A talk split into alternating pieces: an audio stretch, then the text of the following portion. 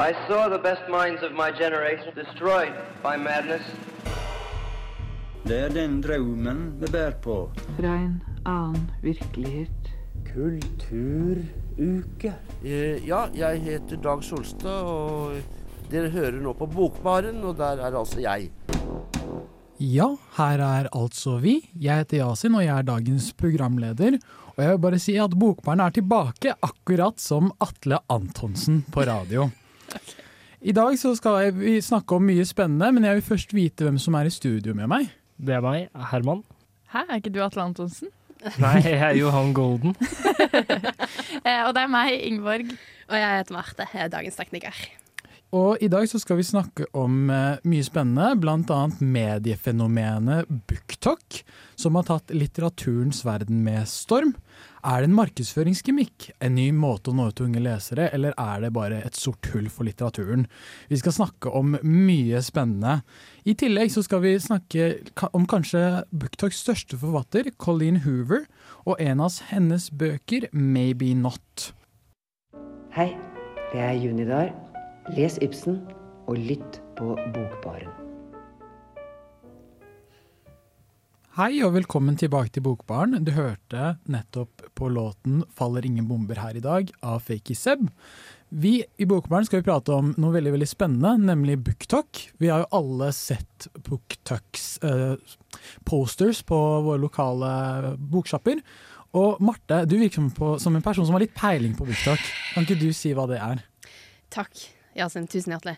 Uh, Booktalk er da, som uh, Yasin så fint innledet med, et mediefenomen uh, som da viser til altså det litterære lesesamfunnet, fellesskapet, da, på appen TikTok.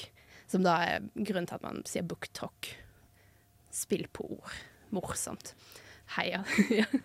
Ja, det fins vel også liksom, eh, varianter av dette for andre sosiale medier og sånn. I hvert fall eh, hørt om Bookstagram og Booktube. Ja, eh, for dette BookTalk er jo ikke en ny ting. Det er bare det at eh, jeg antar at måte, algoritmen og at TikTok som app har blitt så stor som det har. Siden pandemien så har også BookTalk eh, vokst med det, men Bookstagram og Booktube har vært veldig stort i kanskje ja, nærmere ti år nå.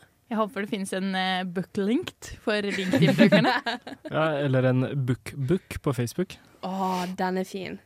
Fordi jeg tenker på det med BookTok. Vi har jo Goodreads eksempel, som er en plattform kun for så å si book eh, recommendations. Mm. Men at kanskje BookTok handler om at man går fra å ha egne plattformer for litteraturen, og at det på en måte har kommet seg litt ut i de sånn større strømningene av sosiale medier, kanskje? Ja, for det, det er jo det som er hele måte, poenget med BookTok, er jo at det har hatt muligheten til å nå ut til et større publikum, som er jo det vi ser nå. Så det fins egne sånne TikTok creators, jeg vet ikke hva man skal kalle det. Influencers. Eh, ja. Um, som da kun lager innhold som, eh, som handler om å eh, reklamere for, eller liksom eh, anbefale bøker, da. Um, så det som er veldig gøy med BookTalk, er at du får måte forskjellige en måte deler av subkulturen igjen, da. Uh, så du har på en måte um, Du har romansedelen av uh, TikTok, eller BookTalk, som er veldig stor. Og så har du eksempel noen som går mer inn på historisk fiksjon. Uh, noen som liker bedre måte se på samtidslitteratur. Um, jeg visste ikke helt hvordan jeg skulle måte formulere det, for det er veldig sånn stort område med bare Jeg tror den beste måten å forklare det på er kanskje bøker som beskriver mennesker, litt i relasjoner til hverandre. Ja, og så føler jeg også det er en del sånn eh, eh, Liksom Ja. Ikke, altså selvhjelpsbøker og sånne type ting, men også litt sånn sakprosa. Eh, gjerne litt sånn eh, En bok som trenda før BookTok, var jo den eh, Homo sapiens-boka. Men det føler jeg er en bok som gjerne kunne liksom gjort det stort på BookTok. Selv om det ikke er en eh, eh, roman i den forstand av at det er en liksom, fiksjonalisert historie, da, men at det er en sakprosabok. Ja, absolutt. Og det er jo på en måte Altså for nesten hvilken som helst form for sjanger, så har man òg et område på, eh, på booktak, da. Så det, det er noe for alle der, hvis du er interessert i å lese. Ja, så det har også sine høykulturelle sider, holdt jeg på å si. Ja, det har det absolutt. Det er stort område, på en måte stort fellesskap for oss folk som liker også å lese mer på en måte, høykulturelle bøker, klassikere. Liker også å diskutere det, da. Og det er noe jeg håper vi kan diskutere litt mer eh, senere i sendingen, enn på en måte krasjninga mellom de som liker litteræranalyse, og de som bare vil lese for gøy. Ja, fordi BookTok har jo si, sine proponenter og opponenter. Og jeg har jo selv ikke TikTok, og kan si at umiddelbart før jeg satte meg inn i fenomenet, så følte jeg at jeg var litt skeptisk, kanskje. Men uh, har dere noen tanker om uh, BookTok eller Bookstagram, eller hva enn eh, det neste er? Ja, jeg føler at det er, eh, liksom jeg har vært inne på, men at det er en plattform for folk som er veldig glad i young adult fiction. Eh, ikke føler dere truffet nå, men fanfiction, fantasy, eh, tegneserier. Ja. ja. Jeg likte at du sa at du ikke hadde TikTok. Veldig stolt, Yasin. Det var veldig morsomt. Det er noe som er veldig nært meg, å ikke ha TikTok. Ja, nei, men, øh, nei, men sånn som jeg har skjønt Jeg bruker jo på sosiale medier, i hvert fall sånn Instagram og sånn, til å finne, finne bøker, føler jeg. I hvert fall øh, sånn ser at øh, noen spennende folk leser spennende bøker. Men øh, ja, det, det. For min del så bruker jeg det til å følge de ulike forlagene, gjerne de norske. Og veldig mange er veldig flinke til å bruke Instagram også. Eh, så jeg pr bruker det på, en måte de, på den måten til å finne bøker. Men jeg har ikke fulgt noen sånne Instagram eller, Nei, Booktalks-aktige videoer eller eh, liksom eh, profiler som promoterer eh, bøker som ikke er et forlag. Så det kunne vært litt eh, interessant. Og der tror jeg kanskje på Instagram at man finner et litt mer variert utvalg. At ikke eh, send, eh, På TikTok så er det jo mye mer sånn trendfaktor, og da vil jo de med mest hits komme mer naturlig opp enn på Instagram, hvor jeg føler du kan være en litt mer sånn aktiv søker selv, da, enn Ja. på TikTok, kanskje.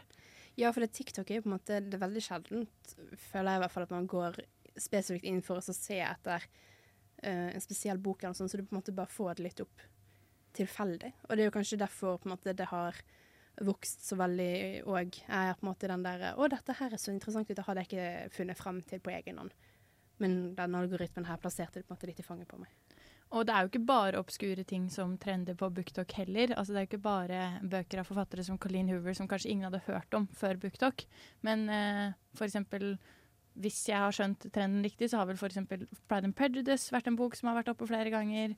Og eh, Secret History, Donald Tart, har vel vært ganske populær der. Mm. Så det fins jo bøker av forfattere som allerede var anerkjent da, før BookTok. Ja, og så vil jeg veldig kort nevne at det er også en veldig god plattform hvor eh, mer marginaliserte mennesker får måte møte mm, representasjon, representasjon da. Så for eksempel sånn LHBT-personer, eh, svarte indigenous, måte, BIPOC, Ja, folk òg, får mye ja, mer eh, representasjon og markedsføring. veldig veldig enig. Så kanskje selv om det er mye kontrovers rundt bruken av TikTok som håper å si, litteraturtilgang, så kan man jo si at det har sine fordeler òg. Eh, ja, jeg heter Dag Solstad, og dere hører nå på Bokbaren, og der er altså jeg. Velkommen tilbake til Bokbaren. Vi prater jo om BookTok, og en av BookToks mest kjente forfattere, Colin Hoover. Er det COH? Eller Coho. Coho, ja. Ja. Mm, jeg skjønner ikke helt det, men eh, det støtter sikkert. er Ingeborg, er hvem er hun? Uh, jo, uh, fanbasen til Colleen Hoover altså, kaller henne uh, Colleen eh, Eller Coho. Eh, og boka vi har lest, er Maybe Not, som handler om Warren, en ung student som plutselig får livet snudd på hodet da, da det flytter inn en ny jente i kollektivet. Eh, og han deler dette kollektivet med to barndomsvenner, eh, Ridge og Brandon. Um, og Warren han er ikke så fornøyd med den nye romkameraten Bridget, som er en skikkelig Ja, for å si det med bokas ord bitch. Um, han syns hun er lite hyggelig, og han er veldig mistenksom overfor intensjonene hennes mot romkameratene. For uh, etter hvert så blir det tydelig at Bridget kanskje kan være i slekt med uh, Warren Nei, uh, disse to romkameratene Ridge og Brendan. Men etter hvert som eh, Warren blir bedre kjent med Bridget, så oppstår det en kjemi mellom dem, og han syns hun er veldig vakker. Og det blir etter hvert et romantisk forhold, samtidig som de er som hund og katt. De har det veldig hyggelig på kveldstid, og har det ikke så veldig hyggelig på dagtid. Jeg bare oppsummerer det sånn, jeg. Ja. Um, men etter hvert så blir Warren ganske forelska. Han får mer og mer følelser for Bridget. Men hun eh, har litt problemer med tilknytning, så hun eh, bare prøver å skyve han lenger og lenger unna. Men det ender jo selvfølgelig godt til slutt. De får hverandre. Han lærer Bridget at du er verdt å elske. Og ja, det blir en happy ending. De flytter inn sammen i samme rom. Der har du Maybe Not av Colin Hoover. Ja, det virket ikke som eh, si, eh, Det virket som en historie. Eh, det er kanskje en måte å si det på. Ja, Det er ikke en veldig lang bok, da, det skal jo sies. Den, eh, vi har alle her i studio hørt den på lydbok. Eh, den varer i ca. litt over tre timer. Eh, så en bok på et par hundre sider. Da. Ja, jeg tror det Så var det 160 er jo- sider eller noe sånt. Eh, det skjer jo på en måte en del hvis, når du har denne plot-twisten med at hun kanskje er søsteren til disse romkameratene osv. Samtidig som den er ganske flat da, i plottet. Hele handlingen i boka foregår egentlig innenfor husets fire vegger, med unntak av et par kjøreturer. Mm. Når jeg tenkte på, eh, å si, eh, bare selve boken, så syns jeg iallfall at det var ganske Jeg hadde hørt på, på lydbok først og fremst, som jeg antar at de fleste andre i studio gjorde. Men at det var ganske så lettlest og ikke noe særlig vanskelig å opprettholde konsentrasjonen igjennom, da. Men eh, ja, litterær kvalitet. Kanskje fire av ti i mine øyne. Altså bare sånn eh, skriving eh, måte, Jeg har ikke fått noe litterært gjennombrudd av å Ja. lese den. Nei, det er vel kanskje en av disse på en måte Det er kanskje derfor det måte er så populært på Booktalk, spesielt for um, Jeg vet ikke, folk som kanskje ikke har funnet hatt lesegleden på noen år. At dette er veldig sånn enkel eh, tilbakevending til litteraturens verden. For at det går litt fort, da kanskje Ja, det er vel eh, noe, noe underliggende tematikk der som kanskje får opp eh, lesehastigheten til eh, mange av de som deltar i denne mm. romanen. En litt underliggende tematikk med navnet erotikk. Eh, for altså, det, det, det, er jo, det er jo en grafisk bok. Eh, på, en, på en måte grafisk og på en måte ikke grafisk. Det er mye eh, sex i boka, men det er skildra på en ganske sånn eh, PG-13-aktig måte. Og vi skal jo komme litt Jo, men jeg, altså i forhold til liksom eh, Mye annet sånn Hva kaller man det? Eh, erotic fiction? Eh, ja. Eh, så føler jeg på en måte at den ikke er så ekstrem i på en måte eh, selve beskrivelsene av det som skjer, men det er jo ikke så veldig mye annet enn det som skjer da, i boka. Det er en pornobok. Ja, det, det er jo absolutt det. Eh, jeg lurer på, Fins det aldersgrense på bøker? Og er det en greie på Booktalk, kanskje? At man liksom anbefaler dette til en viss lesegruppe? For jeg vil jo kanskje si at det her går litt inn i den romance og young adult fiction-trenden. Så jeg ville jo vært litt bekymra for at en tolvåring skulle lese dette. Liksom. Ja, jeg er enig, for at jeg på en måte tenker litt på hvem er det som er målgruppen for denne boken her. Jeg, jeg ser for meg at det er jenter i sånn sene tenårene, tidlig 20-årene. Men det er ikke helt godt å si det heller. Jeg vet ikke. Ja, målgruppe er litt vanskelig å si. Jeg kan godt se for meg at en 60 år gammel dame i Palo Alto, California, eh, på en måte prøver å leve ungdommen sin ut igjen. Det kan også være en målgruppe. Who knows? Men det vi sier som er en fellesnevner, er at vi tror at målgruppen er kvinner Ja. i forskjellige aldre. Og kanskje unge tenåringsgutter som er litt uh, nysgjerrige. Som ikke har abonnement på porn. Ja, eller som bare Ja. Eller som bare har liksom, lånt eh, lydbokabonnement av foreldrene sine, eller, eller noe sånt. da. Ja, for at, altså, sånn, grunnen til at jeg tror på en måte, vi stiller litt spørsmål til hvem målgruppen er for, er jo at den er fortalt fra um, En manns perspektiv. Warren. Warren, ja, sitt perspektiv. Og det på en måte kan det være en litt sånn how to get the girl tutorial for unge gutter. At man kan lese den litt sånn. Og det føler jeg tidvis at den er. Eh, for han har jo veldig sånn, sånn strategi for hvor han skal få henne. Eh, og så er den veldig guttete i form av at det er veldig mye pranking i dette kollektivet. Eh, og jeg føler det er en litt sånn guttestemning-greie som liksom blir spilt ganske mye på i boka. Som gjør at jeg føler akkurat det du sier, Martha, at det er litt sånn tutorial på how to get the girl. Mm. Bare jazz litt og være litt frekk, liksom, så ordner det seg. Ja, men så også litt sånn Prøve å på en måte analysere henne litt, ta henne med ut. Ta henne med til foreldrene, liksom. Eller til søsteren. Men så sånn. kommer eh, det som jeg føler at det er for eh, jenter som er målgruppen igjen, at det ultimately er en kjærlighetshistorie. For de blir jo begge forelsket, og det er jo veldig sånn tradisjonell romance novel eh, som tradisjonsmessig har hatt jenter som lesegruppe. Mitt navn er Stein Torleif Bjella. Lytt til Bokbarn. Velkommen tilbake til Bokbaren, og vi prater om BookTok og Colleen Hoover og mye annet. Herman, kan du fortelle litt mer om Colleen Hoover?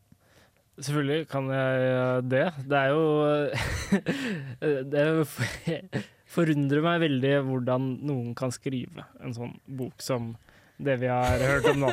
Det er liksom merkelig å skrive så veldig, veldig mange bøker som eh, antageligvis er i samme stil. Men liksom, ja, hvem er liksom mennesket bak? Mest sannsynlig en veldig smart businesswoman da, som har skjønt at uh, don't change a winning recipe. For den oppskriften hun selger, den selger godt. Absolutt. Folk digger det. Uh, akkurat nå så har hun uh, tre bøker på topp fem-lista på New York Times bestselginglist. Hun har nummer én, hun har nummer to og hun har nummer tre. Nummer én har hun slått uh, prins Harry. Ja, hun har nummer det, Da gikk hun på den i hvert fall januarlista, kanskje den kommer inn på februarlista. Ja, kanskje. Men akkurat nå, som var som e-bøker og paperbacks samla, er hun nummer én. Eh, hun har solgt eh, rundt 20 millioner bøker eh, rundt i verden per oktober 2022, så enda flere nå til jul sikkert.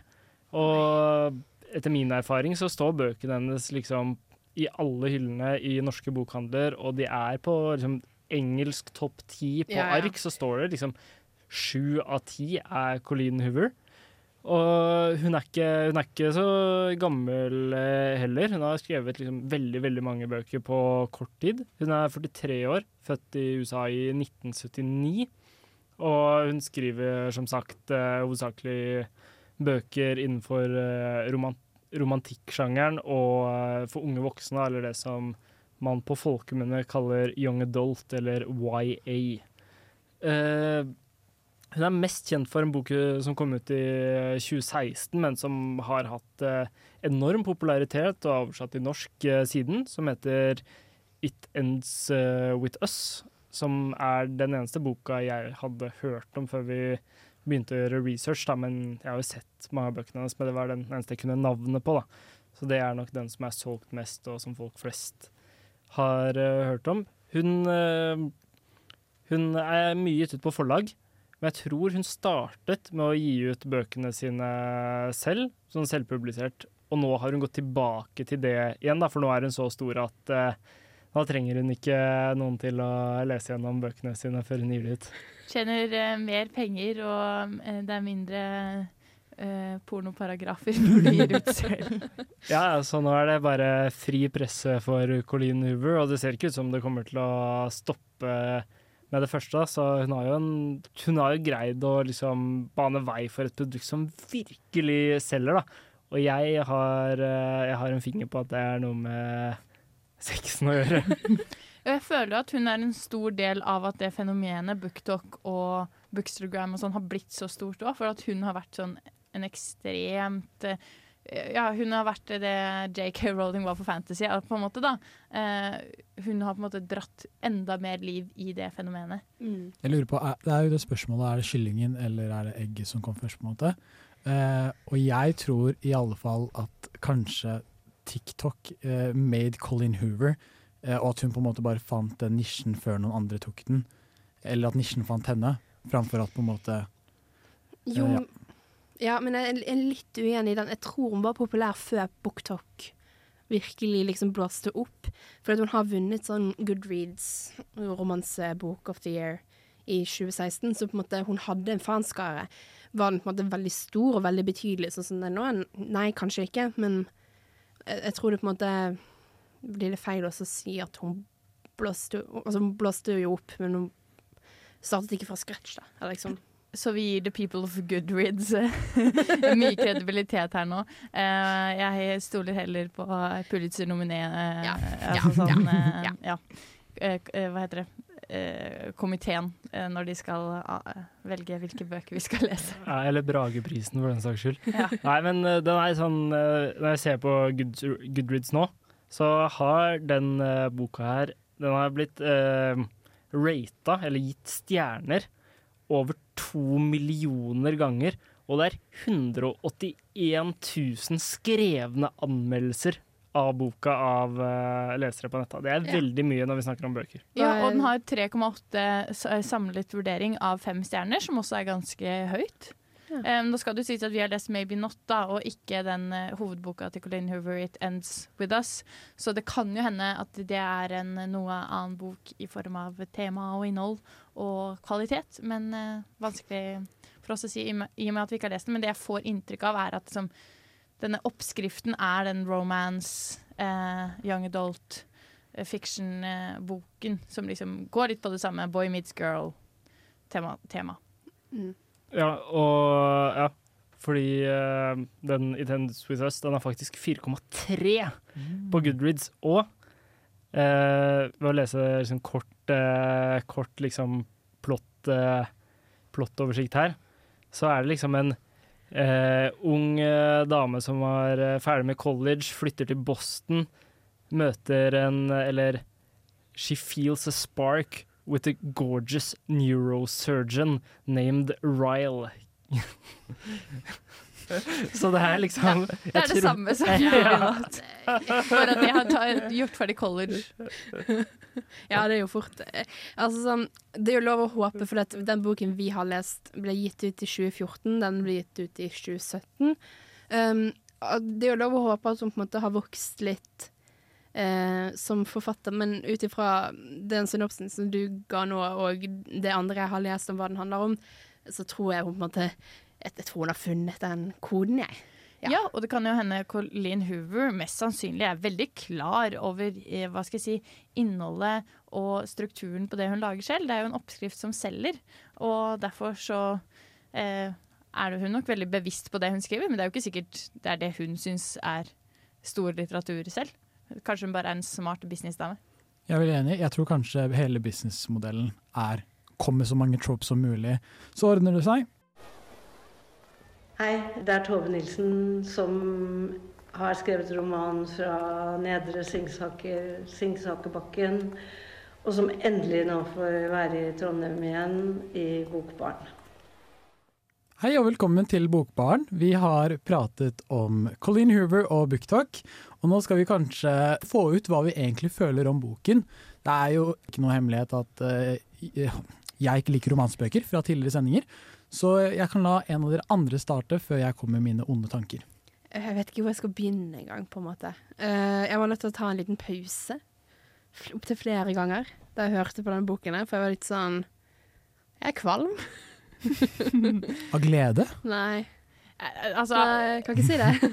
Eh, Nå skal jeg være hard. Det her var helt forferdelig. Um, og jeg skal begrunne det. Påstanden. Påstand. For uh, jeg syns ikke det er noe særlig plott i boka. Jeg syns karakterene er utrolig flate. De spiller bare på en sånn stereotopi eller trope om liksom eh, den eh, hotte gutten og den eh, eh, hotte jenta som begge er liksom Som boka sier, da. Han er en asshole, she's a bitch. Eh, så det er en sånn bad guy-trope som på en måte funker på begge to. Og det er det hele boka spiller på. Og selvfølgelig masse sex. Eh, og så syns jeg det er veldig sånn enkelt det, Og det kan jo kanskje være en grunn til at den faller så i smak for mange. da At den er veldig lettlest. Det er veldig enkelt språk, det er veldig lett å følge. Men den boka gjorde meg dummere. Ja, for det, det, grunnen til at den er enkel, er for at det skjer jo ingenting i boken, bortsett fra uh, to mennesker som liker de hverandre, hater de hverandre, elsker de hverandre, og så har de masse sex. Men det er jo på en måte Det er sant det du sier om at dette er et utrolig kjedelige karakterer, for det er ingenting interessant med det, og vi blir ikke kjent med dem på noen som helst måte. Og så prøver de å humanisere han Warren, fyren litt med sånn Hei, her ser du søsteren hans, her kan du ha, se han eh, interagere med sin nevø. Altså, det, det redder ikke inn. Det gjør ikke det. Nei, øh, jeg syns at vi har lest en eh, dårlig bok. en, Jeg vet ikke hva man skal kalle det. Eller ikke litteratur, i hvert fall. Det er som å lese manuset til en dårlig pornofilm fra 2005. Eller liksom, det er sånn en budsjettversjon av American Pie 1. Det er liksom bare bare tull. Ja, eh, jeg er jo Det er ikke hemmelig at jeg ikke liker romansbøker. Jeg skal være helt ærlig, jeg likte ikke denne boken noe særlig. Men kan og nå skal jeg komme med en brannfakkel. Kan det kanskje ha å gjøre med at uh, vi på en måte trenger, som, som leser en del litteratur, føler at å, vi trenger mer innhold, vi trenger litt sånn spennende momenter. Og denne boken hadde jo ikke det. føler jeg det er litt konsensus om. derimot så kan det jo være at mange folk lever i en sånn ganske kjedelig hverdag. Og på en måte nettopp det seksuelle som foregår i denne boken, er det som spicer den opp. Så kanskje det faktisk har en funksjon, og kanskje det er god litteratur på bakgrunn av det. Ja, jeg, jeg kan skjønne hva du mener med sånn at pga. at den ikke har et plott, så blir den på en måte kjedelig for oss, men hvis du leser den for sexen, så kan det liksom være en Mhm. spennende bok. Men jeg har jo lest mange bøker, ref. Eh, Dag Solstad, som ikke har sånn veldig mye plott, men som har veldig mye eh, hva skal jeg si, karakter. da. Eh, og det handler om hva karakteren tenker og føler, men det skjer jo ikke så veldig mye ytre handling. Og det er fantastiske bøker. Nå er jeg ikke objektiv når det kommer til Dag Solstad. Jo, men men eh, samme greien. Altså, sånn, du kan finne veldig gode bøker som er hovedsakelig drevet av karakterutvikling. Her er det ingen av delene. Nei, og det er liksom sånn her Den er jo Den er jo har solgt i store tall, og folk leser det jo tydeligvis med glede, selv om Lyst. Ja. ja lyst, og, lyst og glede og alle de syv dødssyndene i tillegg, på en måte. Men det er liksom Jeg vet, jeg vet liksom ikke sånn Hvert medie har eh, forskjellige grener, liksom, og forskjellige ting med forskjellige meninger. Men meningen med den boka her, jeg velger å ikke si litteratur engang, er liksom Den forstår jeg ikke. Men tydeligvis så er det noe jeg ikke ser, som denne bringer Jeg til tror- bordet. Jeg tror dette er noe bokbarn ikke ser, ikke bare det her. Men jeg lurer på om dette er sånn at vi, og jeg liker jo ikke den boken, jeg mener at den på en måte er eh, uten å si, å si konkret, for vi kan snakke mer om det senere, men bare sånn hele boken gir meg ikke noe. Men jeg vil ikke at Bokbarn skal bli en sånn høykulturell litteraturborg, der vi sier sånn konsekvent karakterene, eh, plottet, være, alle de elementene må være der for at det er en god bok. Fordi hvis litteraturen funker for noen, og det gjør den jo tydelig, eh, tydeligvis, det er jo såpass mange som liker denne boken, kanskje det er en egenverdi i seg selv, og at vi på en måte ikke skal diskreditere boken på bakgrunn av at vi mener at den ikke når opp til en standard. Ja, men det at Bokbarn leser Colleen Hover, mm. gjør jo Bokbarn til en ikke-kulturell høyborg. Altså, Vi tar jo for oss, altså, vi gikk jo alle inn i Colleen Hover med en slags forventning om hva dette er for noe. Og Derfor så mener jeg sånn, det er helt legitimt å kritisere den boka og si at det er ikke en god bok på bakgrunn av ja, den, uh, ingen karakterutvikling, ikke noe plott, veldig enkelt, banalt språk, spiller på klisjeer og eh, liksom veldig kjente motiver fra litteraturen. Og sex, fordi det Mm. selger. Eh, uten at det på en måte blir å fordømme det bare fordi det er et uh, booktalk-fenomen, eller eh, bare fordi det har en stor fanskare blant eh, eh, unge kvinnelige lesere, f.eks. Men jeg tror også hvis vi hadde henta inn noen fra gata her nå, eller noen andre i eh, radiobygget, da, som f.eks. kom fra et annet program som handler om film eller musikk, så tror jeg det er veldig mange som hadde hatt samme reaksjon på den boka, boka her, selv om du ikke leser så mye. Men jeg tror det handler mer om at den ikke appellerer til veldig mange. Ikke på bakgrunn av hvor mye du leser eller ikke, Mm. men av at liksom, folk vil jo ha en god historie uansett. Og at den, motsatt av at den appellerer til mange fordi ja, men jeg syns det er uh, greit med liksom bare litt sånn enkle karakterer, og jeg leser det her bare for gøy. For jeg Mm. tror det kanskje handler litt om hva man går inn i det med. Ja, For er sånn, eh, min opplevelse av å lese denne boken her, at det er en bok som leses som på en, måte, en sjekkliste. Sånn, OK, jeg må med eh, litt sånn hot bad boy, og så må jeg ha en jente som på en måte har litt problemer. eh, som er på en måte Her kan vi fikse. Eh, men det blir ikke gjort på en god måte engang, for at han fremstår ikke sjarmerende.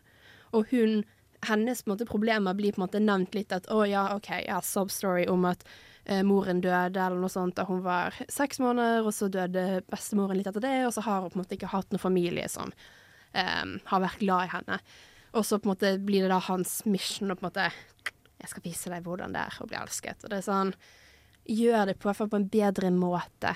bygg det opp litt bedre. Altså sånn, De tingene der kan jo være interessante å lese, eller på en måte gi noe, men på en måte det, det, det virker ikke som at det måte er noe hensikt ved det. Det er bare kastet ut for å på en måte gi inntrykket av intensjon.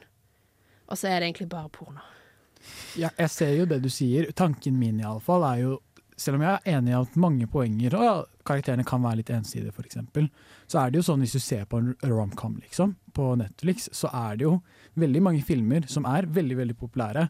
Som mange er sånn Å ja, dette er en, eh, jeg å si, en film av veldig god kvalitet, men eh, denne boken f.eks. føler jeg som tilsvarer en slags eh, romcom. Hei, jeg heter eh, Rune Kristiansen, og jeg hører på Bokbaren. Velkommen tilbake til Bokbaren. Vi har diskutert Colleen Hoover og hva vi synes om boken hennes. Og det er kanskje litt uenighet, men eh, vi er kanskje enda mer enige om hva som er problematisk med boken. Ja, som er problematisk utenom at den ikke har en plott, eh, noen spennende karakterer eh, eller noe interessant språk. Eh, nei, det er jo litt problematisk denne mm, kjærlighetsrelasjonen her. Fordi det er jo litt vanskelig å lese. Det er litt fram og tilbake. Det er litt hund og katt. Og det er litt yes and no. Men eh, det er noen ganger hvor denne kvinnen i forholdet, Bridget, sier liksom eh, Det ble beskrevet en innledende sexscene, da. Og så sier hun sånn Nei, jeg er ikke gira. Nei, jeg vil ikke. Og så liksom kommer liksom Colin Hoover med sånn And he pins her arms down and makes her do it anyway. Og så skal det liksom være en sånn romantisk måte at de har sex sammen på, men det er jo Ja, for han, kan, ja, for han, kan, han kan lese på kroppsspråket hennes at hun vil det, så da er det greit. Så selv om han ikke har fått et eksplisitt ja, så går det bra. Og det er bare sånn Så hvis du, ikke, hvis du fremdeles mener at vi sitter på en sånn uh, høykulturell høyborg og snakker ned denne boken her, så vil jeg på en måte si at dette her er et overgrep. Eh, så Ja, og det skjer jo flere ganger i boken. Ja, Ja, selvfølgelig. Og når jeg sier ikke høykulturell uh, borg, så snakker jeg om bøk sånn TikTok-bøk generelt, og altså ikke Mm, ja. tematikken i denne boken, bare så det er sagt. Jo, men Men eh, selv om Marte prøvde å cancele meg, så skal jeg si hva jeg eh, faktisk mente. Og jeg er vel enig. Mye av denne boken har veldig ekstremt mye problematisk. Det er jo regelrett voldtekt, det som blir beskrevet i flere av sexscenene i boken. Et sånn subtilt element som jeg reagerte veldig på, som du nevnte, Ingeborg, er nettopp det at hun fryser opp og ikke på en måte La oss si nå, er fanget på en måte der, og så er dette et tegn på å ja, hun har lyst, eller på en måte hun stritter ikke imot. Mm. Eh, og for veldig mange unge, og særlig mange land rundt om, så har man jo ikke hatt en seksualundervisning som gjør at man forstår seg på at dette ikke er greit i det hele tatt. Så Colin Hoover kan jo gjøre jeg si, dagens ungdom en bjørntjeneste ved å lære å skrive dem opp gjennom denne boken. Ja, Mm. og så bygger hun også videre på den her, liksom, eh, motivet som vi kjenner igjen fra veldig mye filmer, litteratur, kanskje særlig fra sånn 90-tallet og oppover. Sånn American Pie-aktig greie. Med at liksom Hun sier ikke nei, men hun sier nei. Nei, jeg vil ikke. Eh, og at det, den måten å si nei på, at det egentlig betyr ja. Og det er liksom en sånn eh, eh, et motiv som liksom blir bekrefta igjen og igjen og igjen i så mye populærkultur. Så jeg skjønner, på og det er veldig problematisk, at hun bidrar til å liksom vedlikeholde det. Og da skjønner jeg på en måte at det kan Det er ikke bra, og det kan på en måte være veldig forvirrende og ikke bra. Og hvis du setter det sammen med dårlig seksualundervisning, så har du rett og slett bare liksom uopplysthet. Og ja, det forsvarer jo ikke noe av oppførselen til hovedkarakteren i boka, men det er med til å bidra til en veldig sånn negativt eh, syn på samtykke, da. Jeg tror det er et bevisst grep fra forfatterens side. Ja, litt. Fordi at måte, jeg tror litt den der tropen med sånn bad boy som klarer å vinne over eh, Bad girl. eventuelt bad girl her, um, kan på en måte Den er veldig hypet opp. Og at man syns at det er litt sånn Å, det er litt hot. Og ja, jeg, jeg vil ikke, men jeg vil. Uh, og det er jo noe på en måte Det er jo en trend som man har sett Man kan se kjempelenge tilbake. Altså det er veldig mange, for eksempel eh, julesangen uh, 'Baby It's Cold Outside' gir veldig rapey vibes, fordi at hun er sånn 'Å, men jeg må gå hjem'. Og sånn 'What's in this drink?' Og så er det på en måte den måten jenter kan historisk sett si 'Jeg er egentlig giret, men av eh, samfunnsnormer så kan jeg ikke si det rett ut'. Men nå har vi kommet så langt at eh, eksplisitt samtykke er faktisk nødvendig. Ja, jeg er enig i at det er en sånn veldig sånn eh, At det gjør det på en måte altså Motivet da skal gjøre det enda mer sexy. Og sånn sett så er det jo sikkert bevisst fra forfatterens side, da. Men da er spørsmålet burde man kansellere Colleen Hoover. Ja, eller, eller kanskje hun, hun gjennom denne romanen prøver å påpeke en tendens og et problem i vår samtid, og ikke gjør det for å Men tror du det? Nei. Men jeg, jeg tenker i alle fall, eh, og selvfølgelig Colin Hoover er ikke Det er ikke hun som på en måte har skapt problemer med litteratur som eh, oppfordrer til eh, I praksis Eller ikke oppfordrer, da, men sånn på en måte tilgjengeliggjør sånne scener da, til ungdom gjennom litteraturen. Men når hun har såpass mye makt, og det er jo et faktum at hun er kanskje den største forfatteren på BookTok, så burde hun være bevisst på hva slags type litteratur hun oppfordrer unge lesere til å eh, lese. da. Ja, og som du sier, Det er ikke hun som har skapt det, men hun er absolutt bidragende til å vedlikeholde det. Og jeg kunne vært med på det du sa, Herman, om at eh, eh, liksom, kanskje hun egentlig bare prøver å fremme et eller annet sånn positivt, eh, eller som prøver å liksom si hei, hei, hei, sånn skal man ikke behandle hverandre i eh, en seksuell relasjon, og samtykke er viktig. Men alle de andre tingene hun også gjør som er problematiske i boka, gjør at eh, det er ingen tvil om at det ikke er det hun gjør. For altså, det er et helt merkelig Jeg har lyst til å si menneskesyn i denne boka. Ikke bare liksom, er det et dårlig kvinnesyn. Altså sånn eh, Hovedpersonen Bridget er generali veldig liksom, generalisert beskrevet. Hun jobber på Hooters eh, og har liksom sånn kjempesmå, korte klær. Eh, og liksom framstår som veldig, veldig veldig enkel, og det gjør jo for så vidt mannen òg. Men han får, som Marte har vært inne på, liksom sånn dybde i form av at men han har i hvert fall kjærlighet i livet sitt. Og ikke nok med det, han kan også tegnspråk, som føles utrolig påtatt. Mm. Og føles ut som en sånn måte at hun bare skal gi han en sånn eh, ja, saver-kompleks, på en måte. Ja. Jeg er veldig enig. Ja, en ting jeg tenkte på umiddelbart, var jo bare sånn at man, eh, en ny jente flytter inn i et nytt hus, på en måte, og at med en gang så tenker man at ja, det her kommer til å innebære et forhold på en eller annen måte. Jeg er litt lei av at sånn eh, å ja, a boy meets a girl, eh, and that leads to a relationship, og at det gjør at sånn alle relasjoner mellom menn og kvinner på en måte skal farges av et forhold og kjærlighet, på en måte, og at det ikke kan være vennskap der også. Ja. Mm. Ja, hun utfører eh, et oppdrag godt. Vekke kåtskap i hverdagsmennesket gjennom enkle klisjeer. Ja, eh, jeg skal bare lese en setning fra boka her, så dere kan eh, få en liten eh, smakebit på hva slags um, verdensbilde denne Warren, hovedkarakteren, har. My apartment is my sanctuary, my man cave. The only place I can go where my life isn't ruled by women. Og han har også setninger hvor han sier sånn She's so hot. I'm fucked. Og liksom snakker til seg selv eh, på den måten her når han liksom ser Bridget. da. Og det er, det er vanskelig. Det er kleint, altså. Jeg heter Hans Olav Brenner, og jeg syns at det er et slags eh, minstekrav til et oppegående ungt menneske å høre på Bokbarn. Jeg heter Yasin Elmi, og jeg syns at det er et minimumskrav å ikke lese Colleen Hoover hvis du er et godt menneske. Helt enig, jeg stiller meg bak det. Nei, men eh, vi snakket jo litt om eh, hvorfor vi tenkte boken til Colleen Hoover var litt problematisk. Og er, jeg er bevisst at jeg ikke sier navnet nå, for jeg ikke vil at folk skal lese den. på en måte. Men uh, en ting jeg reagerte veldig på, var jo uh, det at sånn uh, Her prøver man Og jeg tror Herman snakket, nevnte det utenfor studio til meg, at det var en del sånn virtue signaling i boken. At man fremmet perspektivet bare for å ha det med. Følte dere på noe av det samme? Ja, hva legger du inn i det? Ja, typ virtue signaling, for eksempel. Så eh, la oss si nå, hvis du bor eh, Hvis du har en leilighet, da, ikke bare i litteraturen, og du setter veldig mange pride-flagg bare så når vennene dine kommer på besøk, så er det sånn Å ja, mm, hun, hun er woke, hun er med, liksom.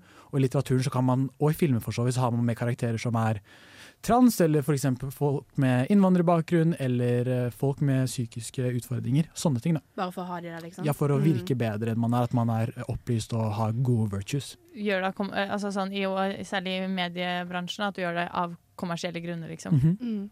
Ja, litt som i denne boka med døveperspektivet. Der vi har en døv karakter, og at alle plutselig ut av det blå kan tegnspråk. Ja, det føltes veldig påtatt, Um, og særlig med, liksom, på tanke med liksom, språket i resten av boka. Altså sånn Altså, det er kanskje litt sånn uh, Her står jeg i min høyborg og dømmer.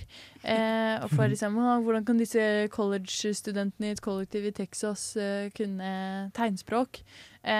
Men det føltes ekstremt påtatt, og grunnen de ga til det, da, var at Ridge, den døve karakteren, uh, han flyttet hjem til hovedkarakteren vår, Warren, the big bad eh, wolf, holdt jeg på å si.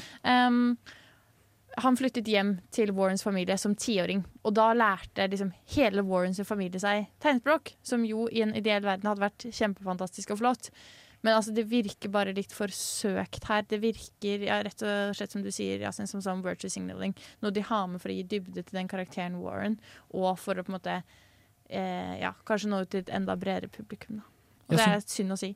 Ja, jeg syns det var litt vanskelig òg, fordi eh, jeg tar meg selv i å si å ja, jeg syns dette er virtue signaling, men jo mer jeg tenker over det, så kan det jo faktisk ha å gjøre med at å ja, kanskje hun tenkte det er ikke så mange folk som kommer til, eh, kommer til uttrykk i litteraturen, kanskje jeg bare kan sette denne karakteren inn hit, og så er det noen som er døve som får noe ut av det, da. Hvis det gir mening òg, at det er litt vanskelig, det aspektet. Men er ikke akkurat det det som er virtue signaling? Jo, at det kanskje ikke bare har negative på en måte, Selvfølgelig, en ting er at det er påtatt, og jeg er helt enig, men at eh, liksom for en 13 år gammel eh, person som er døv, så tenker de kanskje ikke på at det er virtue signaling, men heller at de føler at endelig så er det litteratur der de kommer til uttrykk, da, at de hører eh, hjemme. Ja, det er veldig vanskelig å kritisere representasjon fordi det er så viktig. Eh, men jeg tror kanskje det er viktig å ha en diskusjon på det, fordi liksom, all representasjon er kanskje ikke god da, hvis det kun er av eh, ja, sånne typer grunner. Eh, kommersielle grunner, f.eks. Ja, og da vil jeg gjerne på en måte stille oppfølgingsspørsmål. Er det representasjon? Jeg føler ikke at vi ble så veldig godt kjent med denne karakteren, egentlig. Um, og det virket egentlig mer som et veldig lat um, måte å få For det, er jo et tidspunkt hvor det er en annen jente som flytter inn i dette kollektivet, og, og Bridget tror at hun er døv. Så hun snakker åpenlyst liksom foran henne om denne nye jenten, og sier veldig mye drit der, bare for å liksom pranke. Som sånn ha-ha, lol, never mind. Hun kan høre deg. Og det var bare sånn Jeg skjønte Ja, det var dårlig Ja, at det heller ble brukt som et virkemiddel for å kunne liksom eh, victim, Nei, eh, liksom villainize Ja. eh, Bridget mye mer. At ja. hun på en måte Og i tillegg at sånn Hun er Ikke bare er hun slem, men hun er ekstremt usensitiv over folk med et uh, hørselshandikap, da. Ja. Så det var liksom Ja, jeg følte det var på en måte det, da. At jeg egentlig ikke hadde noe hensikt utenom det. Ja, at, eh, ja det var sånn der eh, tegnspråket som egentlig kunne blitt jeg vet ikke, brukt til noe, noe litt finere. da, ble liksom bare Det Mm. var hovedpådriveren for en prank. Men altså, vi kan jo ikke Eller eh, det er jo Denne boken har blitt roastet ganske hardt. Jeg tror kanskje det er en av de mer eh, eh, harde sendingene i Bokbarns historie. Men det, var jo, det har vært veldig gøy å lese denne boken i fellesskap. Så det kan være en gøy aktivitet for hvis du har en bokklubb eller noe sånt. Fordi det er jo vi, vi har jo ledd og kost oss mye av det her også, med tanke på Altså bare på bekostning av boken, ikke sammen med boken. eh, men jeg lurte på om dere hadde en eh, favorittlinje eller tekstutdrag fra boken dere hadde lyst til å dele? Ja, for min del er det Det er én som markerer seg eh, ganske greit. Det er en ganske intim eh, scene som først er preget av litt krangling. Eh, der eh, Bridget eh, skjeller ut Warren fordi han ser på porno på TV-en i stua mens hun gjør lekser eller et eller annet sånt. Og så sånn, sier hun at han sikkert er dårlig i senga, og så sier han tilbake I fuck like Thor. altså den norrøne guden for lyn og torden. Så det var Da fikk jeg meg et lite sjokk og en god latter, og innså at uh, liksom Innså at det ikke var så mye håp da, for videre lesing, da, eller hva, hva jeg kunne forvente. Kanskje ikke så mye videre håp for Maybe Not av Colleen Hoover, men det kan jo hende det er håp for uh, eh, Colleen Hoover. For uh, som sagt, vi har ikke lest It Ends With Us eller noen andre av bøkene hennes. Og jeg vil ikke at du som lytter skal la deg skremme bort fra booktalk av vår litt eh, harde harselering med eh, Maybe Not. For booktalk er jo et fantastisk medium til å dele leseropplevelser med hverandre, gode som dårlige. Eh, og det at vi har lest en bok som vi ikke likte så veldig godt, av en kjent booktalk-forfatter, eh, reduserer ikke kvaliteten BookTok har som medium til å liksom dele Mm. litteraturen med hverandre. Da. Ja, og dette er en gammel bok. Det er fra 2014, så det er jo lov å håpe at uh, hun har utviklet seg litt mer og på en måte tenkt litt over ja, det vi har poengtert i denne sendingen her. Dette er Lars Elling, og du lytter til Bokbaren. Ja, du lytter til Bokbaren. Vi har pratet uh, mye om uh, Colleen Hoover og en av hennes mange bøker. Og vi har pratet om, litt om hvorfor vi synes det er problematisk, kanskje. Og, eller hvorfor denne boken, iallfall, vi kan jo ikke snakke for den videre litteraturen, eh, er problematisk. Eh, men kan det ha seg å gjøre med at vi har kritisert litt for mye? Kanskje det går an å lese denne boken for å lese boken? Det mener ikke jeg, da, men mener noen kanskje. Det er interessant det du sier, for det er jo veldig eh, økende trend og veldig stor diskurs på BookTalk, er jo dette her med Trenger man å lese så dypt inn i alle verk? Kan man ikke bare lese for å lese? Er det noen tanker der? Ja. Jeg, øh, jeg på en måte skal være litt demokratisk, for en gangs skyld. og, og si at jeg tror at denne boken, selv om jeg sa i stad at jeg ikke skjønner noe av den, som jeg for så vidt ikke gjør, men jeg kan være raus og si at jeg tror at f.eks. hos en eldre kvinne eller mann som kjeder seg litt, kanskje sitter på et gamlehjem eller i Bygde-Norge eller på Gran Canaria, flytta ut og bare trenger litt, litt spice, som man sier på godt norsk, i hverdagen, kan, få, kan sikkert få ganske mye ut av å lese denne boken her. Altså, jeg vil bare si en ting. Jeg er litt redd for at de får hjerteproblemer av at det kanskje kan gå litt raskere. Eh, Ja. Eh, jeg syns det der med må vi, som du sier, Marte, må vi analysere? Må det liksom eh, være for noe annet enn underholdning? Eh, og du har jo på en måte da eh, Det her er kanskje reality-sjangeren av bøker, liksom sammenligna med reality-TV, hvor du bare på en måte får innhold uten egentlig å ta det innover deg eller analysere det. Fordi du, måte, ja, du bare trenger et sånn avbrekk, noe white noise, da. Uh, og jeg tror på en måte det er en grunn til at boka trender. Og nei, du skal absolutt uh, ha uh, lystlesing, men jeg tror bare det er veldig forskjellig fra eh, leser til leser.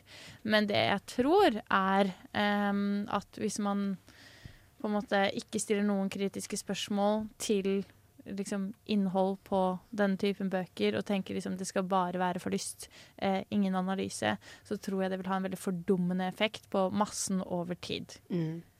Ja, og så er det ikke en bok du har liksom lyst til å ta, trekke fram i et eh, litt sånn eh, middagsselskap med mennesker fra alle, alle, hva skal man si, veier av eh, arbeid og si 'dette er favorittboka mi'. Den er, Mm.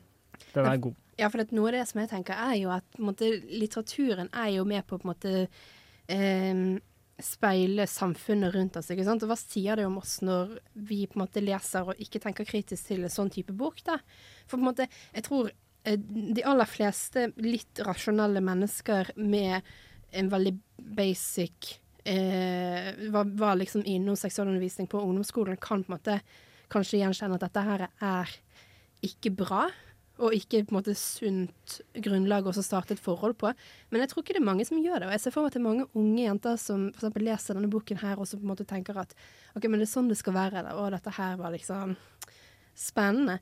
Så det er på en måte Ja, jeg tror, jeg tror man må på en måte være kritisk. Du skal få lov til å lese akkurat hva du vil, men du må, vite, du må skjønne, og du må tenke litt kritisk over hva er det faktisk du har konsumert her.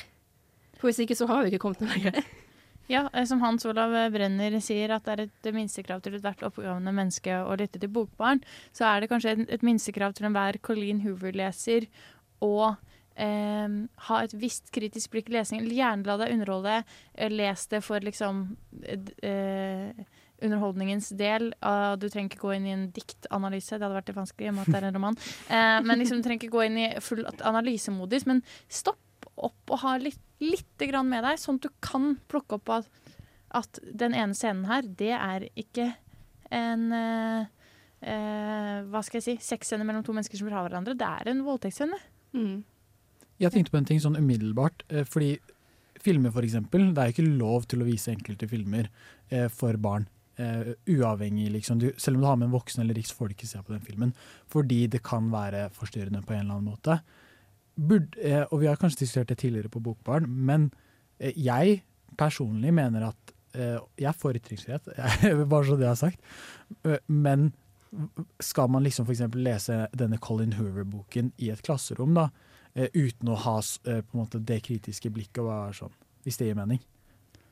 Eller det gir ikke mening, sikkert, men ja. Seff skal man få lov til det. Ja, eh, lese det i et klasserom, men altså sånn Jeg vet ikke om jeg er helt imot det, og det hørtes kjempekonservativt ut, så jeg holder på å trekke tilbake før jeg sier det, men det, det, dette er den type bok jeg mener det kunne vært en aldersgrense på. Eh, og hvis man på en måte skal da Altså det er jo som du sier, filmer ikke sant, hvor det er aldersgrense på, å måtte gå med en voksen, f.eks. For, eksempel. for som Marte sier, hvis dette er ditt første møte med seksualundervisning, så kan du få et veldig feil bilde av hva som eh, er greit og ikke, da. Mm, jeg tror dette kunne vært en veldig grei bok å lese i et klasseromsetting. For måte, jeg føler det er en veldig en måte, middelvei mellom å gå veldig dypt inn og analysere bøker, og så det å ikke gjøre det i det hele tatt. For eksempel sånn, jeg mener at du kan leve ganske godt liv uten å ha lest de store klassikerne, men for det er bøker som gjerne er litt mer utilgjengelige, spesielt hvis de er gamle. Og derfor er skolen veldig viktig for å måte hjelpe å forstå konteksten rundt det. Men jeg tror òg at skolen kan være et veldig greit sted å ha en samtale med denne boken her, og tematikken om hvorfor det kan være ugreit. Ja, eh, jeg er veldig enig. Jeg burde kanskje formet meg litt annerledes. Hva med, Burde vi ha denne boken på skolebiblioteket? Sånn eh, bare i hylla, uten at man f.eks. har noen advarsel på, er egentlig spørsmålet. Tror det burde vært avvarsel, men det er veldig Ja. strengt Ja, sånt. ja. Det Vi skal ikke Eller jeg er i hvert fall mot at vi skal ha aldersgrenser på litteratur. Og aldersgrenser på, på spill og filmer og sånne ting. Det kan være aldersgrense på, eh, på førerkort og Red Bull. alkohol og Ja, førerkort og alkohol i hvert fall. Da. Tobakk, kanskje. Men uh, ikke, på, ikke på bøker. Det syns jeg ikke noe om. Da vet vi hva Herman sine barn kommer til å bli lest uh, av på sengekanten. Det blir Colleen Hoover. I fuck like Thor. Dostojevskij. Nei da, det er jo mange andre bøker som er mer kontroversielle enn det her, og uh, bøker som har blitt kansellert i skolesammenheng. Den derre The Scarlet Letter var vel bannlyst en god stund, så det fins sikkert eh, mer grafiske ting enn Colleen Hoover der ute, men det er kanskje greit å ha med seg at man eh, ja, leser litt med måte da, når man leser. Du, Magnus, jeg fant en skikkelig kul ny bok. Hysj! Du kan ikke snakke ved biblioteket, men du kan høre på Bokbarn hvis du har headset. Du kan også høre på Bokbarn uten headset, bare kanskje ikke off på, jeg si, i trafikken. Eh, vi i Bokbarn har snakket veldig mye om eh, BookTok, og selv om vi kanskje er litt eh, skeptiske, for å si det mildt, til boken til Colin Hoover, så kan det jo sies at BookTok har noe for seg. Hva synes dere? Ja, vi må separere eh, på en måte eh, Colleen Hoover og BookTok som samme ting. Colleen Hoover er en forfatter som har trenda på eh, BookTok. Vi har lest én av sikkert hundrevis av bøker hun har skrevet. Nei da, ikke hundrevis, men hun har skrevet veldig mange bøker. Um, og jeg ja, bare syns vi skal skille liksom veldig tydelig på det. At uh, BookTok er jo et kjempebra fenomen allikevel, men det er jo et medie som eh, promoterer mye den her type bøker. da. Enkle romance, young adult fiction-bøker. Men det er jo ikke alle sånne bøker som er av samme kvalitet som det vi har lest til i dag heller. Da. Det kan jo være noe positivt der. Og plutselig så oppdager du kanskje en eh, hidden treasure som du ikke visste om. Ja, absolutt. Og det er jo på en måte et veldig godt medie for å få folk til å begynne å lese. Det er kjempebra. Setter eh, forlagene og bokhandlene våre i sving, som gjør at de får mer penger til å printe ting som vi kanskje syns er eh, gøy. Men ja, så det blir bedre for alle sammen at uh, BookTok eksisterer, tror jeg. Ja, altså Jevnt over så vil jeg si at måte, all lesing er god lesing. Nesten all god lesning er god lesning. Eh, kanskje ikke denne, men eh, Eller eh, hva er det, Jonas Lies eh, Familien på Gilje. Ja. ah, en klassiker, om du vil. Men eh, nei, altså, jeg må jo Jeg vil jo absolutt slå et slag for BookTok. Det, jeg har på en måte lest mine fair share av BookTok-romansebøker. Um, og jeg skal ikke på en måte si at jeg har enda til gode å på en måte komme over en som jeg tenkte wow, denne her var godt liksom, Det var en bra bok. Um, de er underholdende, men de på en måte de, Det er ikke like krise som det dette her var. Selvfølgelig mye kan, du kan kritisere ved det, men mer Ja. Jeg vet ikke hvordan jeg skal forklare det. Ikke like problematisk, i hvert fall. Nei, og som alt har nevnt, så gikk jo vi eh, veldig med viten og vilje inn i Colleen Hoover, og forventa oss nok ikke noen stor leseopplevelse. Det handler litt om omtalen rundt det, og så selvfølgelig var det gøy å velge den forfatteren som faktisk gjør det beste av alle disse BookTok-forfatterne. Men det er flere titler på eh, BookTok som jeg syns ser veldig spennende ut, og som jeg har en høyere forventning til kvalitetsmessig, men som jeg absolutt ser på sånn underholdningsromaner. Og det er annet den derre My Year of Rest and Relaxation. Den syns jeg ser litt uh, spennende ut. Og uh, Secret History av Donna Tartt, som vi allerede har nevnt. Um, og annet en bok som Bokbarn har vært inne på å ha som påskekrim flere ganger. Eh, som heter Cabins Jawbone. Som er en sånn murder mystery-roman hvor du skal på en måte sette sammen murder mystery selv. Da, for det er fortalt i mange sånn ja, ulik rekkefølge og sånn. Så jeg, jeg tror det er mange bra titler på BookTok også. Ja, absolutt. Eh, En uh, annen forfatter som uh, ikke lever lenger, som, uh, som virker som gjør det veldig bra på BookTok, er Oscar Wilde. Mm. A Picture of Dorian Gray er liksom sånn der I det jeg har gjort av research til i dag, er liksom en bok som dukker opp ofte, og som mange leser eh, på grunn av sine ulike vinklinger og ja, Den er jo før sin tid i forhold til all mulig tematikk og representasjon, så Men Mhm. absolutt det er noe for enhver der ute. Ja, og det er noe jeg syns er veldig fint med BookTok, er at jeg har fått på en måte, litt bøker som jeg ellers ikke ville kommet over eh, hvis ikke hadde vært for de, da. Og på en måte fått nye eh, andre ting også lese, eksempel eh, en bok som jeg sikkert har nevnt tidligere, som er skrevet av Mieko eh, Kawakami, som heter Heaven, som jeg syns var veldig bra. Um, men også eksempel en annen bok som har vært kjempestor på TikTok, som jeg har lyst til å lese, som heter Song of Achilles. Som jeg har hørt veldig mye bra om. Den har jeg lest, og den kan jeg anbefale. Den er kjempebra. Og den uh, dypper jo enda mer inn i den eh, eh, spin-offen på en måte på at eh, Achilles og Patroclus, som vi blir kjent med i Homers Iliaden, eh, har et eh, kjærlighetsforhold. Og den er veldig, veldig vakkert skrevet. Fantastisk bok. Ja, eh, du, kan si, Mitt lesetips var The Song of Achilles. eh, Så tydeligvis har vi i Bokbarn kanskje litt sånn samme smak i TikTok-bøker. Eh, Jeg tror eh, Jeg er vel enig i særlig det poenget som Ingeborg kom i sted, om at eh, Colin Hoover er én person. Selv om jeg ikke liker eh, JK Rowling sine nye standpunkt, så betyr ikke at jeg har sluttet å like fantasy-sjangeren. Eh, og da, da tenker jeg også at eh, den samme standarden burde gjelde for TikTok-litteratur, hvis det kan sies så er det. Men jeg har et spørsmål. Hvor mange av dere har altså Yasin, du har allerede stolt proklamert at du ikke er på TikTok. Instagram Reels. Eh, men ja, hvor mange av dere har et TikTok da, og bruker BookTok, og eh, kan extende den også til eh, Bookstagram? Ja, jeg kan jo allerede si at jeg er på TikTok. Jeg har litt for mye skjermtid der. Uh, jevnt innom Ja. Jeg er ikke så mye på romanse-TikTok lenger. Jeg er mer på, på en måte, litt sånn sanntidslitteratur, klassisk litteratur. Litt mer sånn kritisk tenkning. Talk. Men uh, ja, det er også Bookstagram òg får jeg mye opp fra. Så jeg får mye inspirasjon derfra hva jeg har lyst til å lese. Ja, jeg har, eh, jeg har prøvd det TikTok. Jeg har uh, lastet uh, lasta denne i ja, 2021 en gang. Men uh, som Marte sier, det tar mye skjermtid og tid, og man blir sugd inn i det, sånn som veldig mange andre sosiale medier. Så det, har, det, er veldig, det er en stund siden jeg har hatt det. Men eh, jeg har absolutt eh, prøvd, og det er jo skjønt hvorfor det blir populært. Da. Det er jo et som, nytt og vet ikke, nyskapende sosialt medium som tar opp mye. Ja, jeg har aldri hatt uh, TikTok, uh, men jeg har jo sett uh, TikToker. Marte er jo flink til å sende sånne BookTok-videoer til oss andre.